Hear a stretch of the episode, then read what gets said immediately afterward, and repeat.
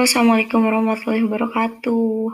Kembali lagi bersama saya Nita Anggi Purnama di Learning is Fun.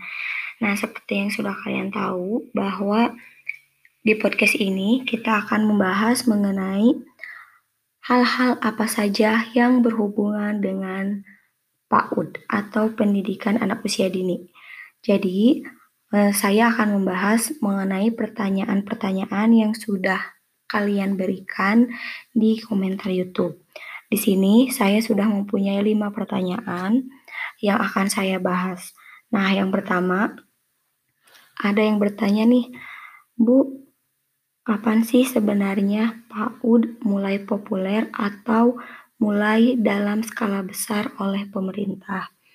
Jadi, perlu kalian ketahui bahwa PAUD itu mulai populer pada tahun 2001 karena pada tahun tersebut dibentuk Direktorat Pendidikan Anak Usia Dini yang mengemban mandat melakukan pembinaan satuan PAUD non formal.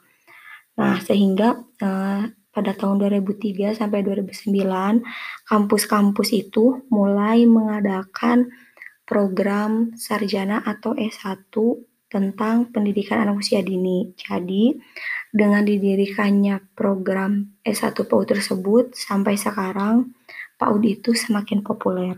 Lalu pertanyaan kedua, Bu, katanya masih bingung apa sih bedanya PAUD dengan TK?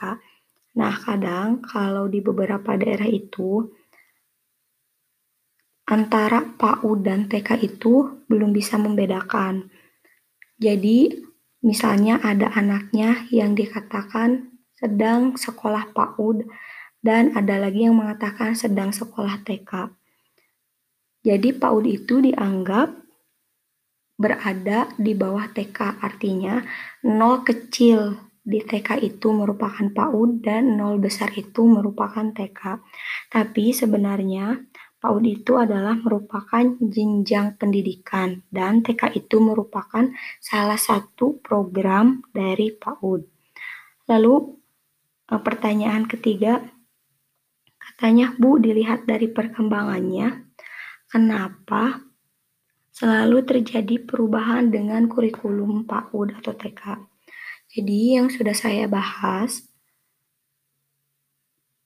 anak-anak di SD itu sebelumnya adalah anak-anak yang telah mengikuti jenjang pendidikan di PAUD.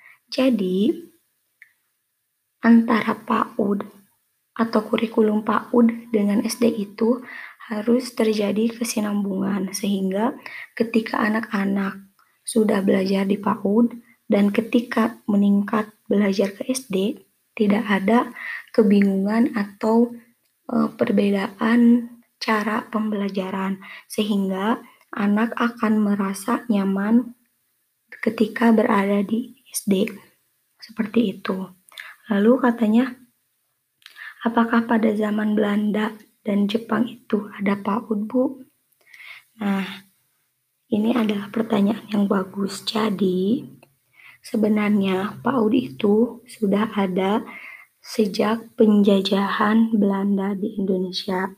Jadi, TK ini diadakan untuk anak-anak Belanda yang kaya. Tentunya orang-orang Indonesia, apalagi kalangan yang miskin itu, belum bisa merasakan pendidikan PAUD pada masa itu. Apakah di Jepang ada, Bu? Iya, ketika uh, penjajahan Jepang di Indonesia, PAUD juga ada. Namun, kuantitas ketika penjajahan di Jepang itu semakin berkurang. Kenapa? Karena pada saat Jepang, PAUD itu hanya uh, belajar untuk menyanyikan lagu-lagu Jepang. Nah, yang terakhir, mengapa Bu katanya Pak Udi itu penting? Nah, kadang banyak orang yang mengira bahwa uh, anak itu tidak usah disekolahkan atau dimasukkan ke PAUD dahulu. Karena mereka berpikir bahwa di PAUD itu anak hanya bernyanyi, hanya bermain, dan tidak belajar. Padahal PAUD itu penting. Kenapa? Karena pada usia 4 sampai 6 tahun atau sampai 7 tahun itu anak masih berada di fase golden age. Artinya perkembangan otak anak itu masih berjalan dengan cepat. Jadi ketika anak mengalami pengalaman yang bagus, ketika anak belajar, ketika anak bermain itu akan membantu untuk perkembangan otaknya. Terus jangan diharapkan ketika anak masuk PAUD itu anak akan belajar seperti halnya anak-anak ketika belajar di sekolah dasar. Kenapa? Karena anak itu diharapkan dapat belajar tanpa membuat anaknya stres atau anak belajar dengan menyenangkan. Makanya di PAUD itu e, sering dilakukan permainan-permainan untuk membantu anak menstimulus dalam perkembangan otaknya. Nah, itu beberapa pertanyaan yang sudah Ibu jawab.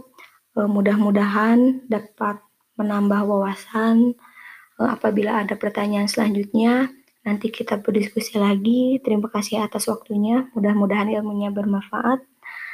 Assalamualaikum warahmatullahi wabarakatuh.